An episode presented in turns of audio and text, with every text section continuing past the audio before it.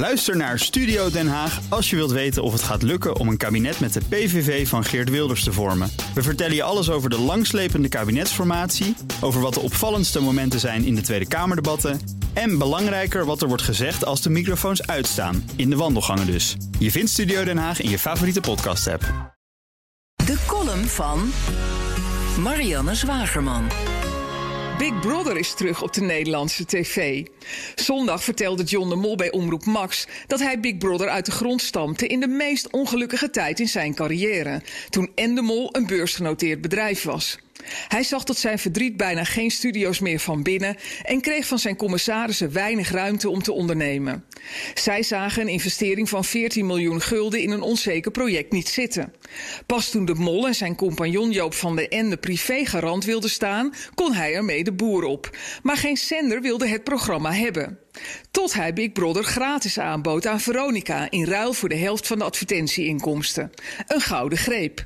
De wereldpers verzamelde zich in Almere toen de eerste bewoners er in 1999 werden opgesloten. Endemol verkocht het format naar 80 landen, werd de grootste onafhankelijke tv-producent ter wereld. En toen het bedrijf later werd verkocht, kon de Mol 3 miljard gulden op zijn rekening bijschrijven.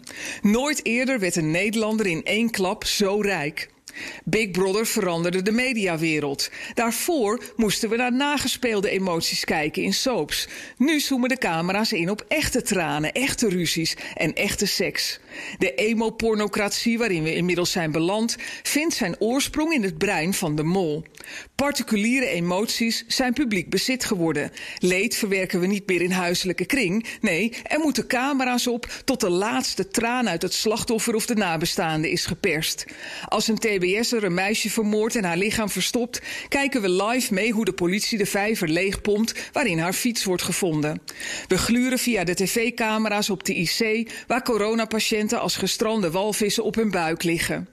Gisteravond konden we op NPO 2 meesnikken met de slachtoffers van de nieuwjaarsbrand in Volendam 20 jaar geleden. Volendammers zijn niet van janken, maar doorzetten. Dus het leed bleef te lang ongedeeld. Nu is er Volendam Spreekt, een evenement waar slachtoffers hun verhalen kunnen delen. Een geweldig initiatief. Bij de bijbehorende documentaire bekroop me het gevoel dat wij daar niet bij zouden moeten zijn. Dat buitenstaanders buiten horen. Verwerk, schreeuw, jank, vloek, snotter, brul. Zo hard en zo veel als moet. Maar zullen we in 2021 de camera wat vaker uitzetten?